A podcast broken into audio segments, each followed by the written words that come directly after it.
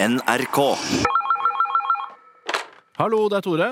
Per Skinkerud her, med sterke og fengslende historier fra krigen. Ja, var ikke du med i motstandsbevegelsen under krigen, du? Det stemmer.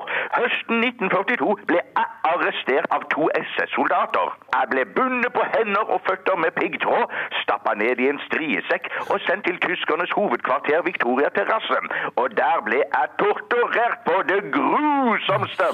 Jøss, de kunne jo ha drept deg. Og ja, men akkurat da de skulle rive av meg penis, så våkna jeg, og det hele viste seg å være en drøm. Selvfølgelig en drøm, ja. Ja, heldigvis. Mm, Helt ærlig, Skjenkerud, var du virkelig med i motstandsbevegelsen? Ja, det var jeg. Jeg husker at jeg sprengte stornazisten Oliver Rinnan sin gamle postkasse. I postkasse? Postkasse? Men jeg ble tatt på fersk gjerning og ført til Rinnans bandekloster, og der fikk jeg gjennomgå. Ja vel, ja. Ja, først så kasta de meg ned kjellertrappa, og så klippa de av meg alle fingrene med ei sløv fiskesaks. Men akkurat idet de skulle klippe av meg posen min med testiklene mine Men så oppi våkna du, ja? Nei, så ringte de fra Norsk Tipping og fortalte at Rinnan hadde tolv retter på tippekupongen sin. Og han ble så glad, vet du, at han stappa en diger håndgranat opp mellom skinkene mine. Men akkurat da håndgranaten eksploderte, så våkna jeg. Og det hele viste seg å være en drøm.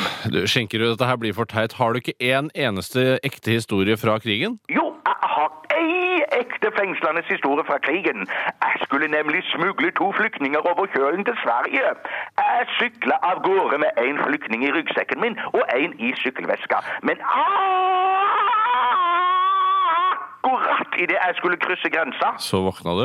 Nei.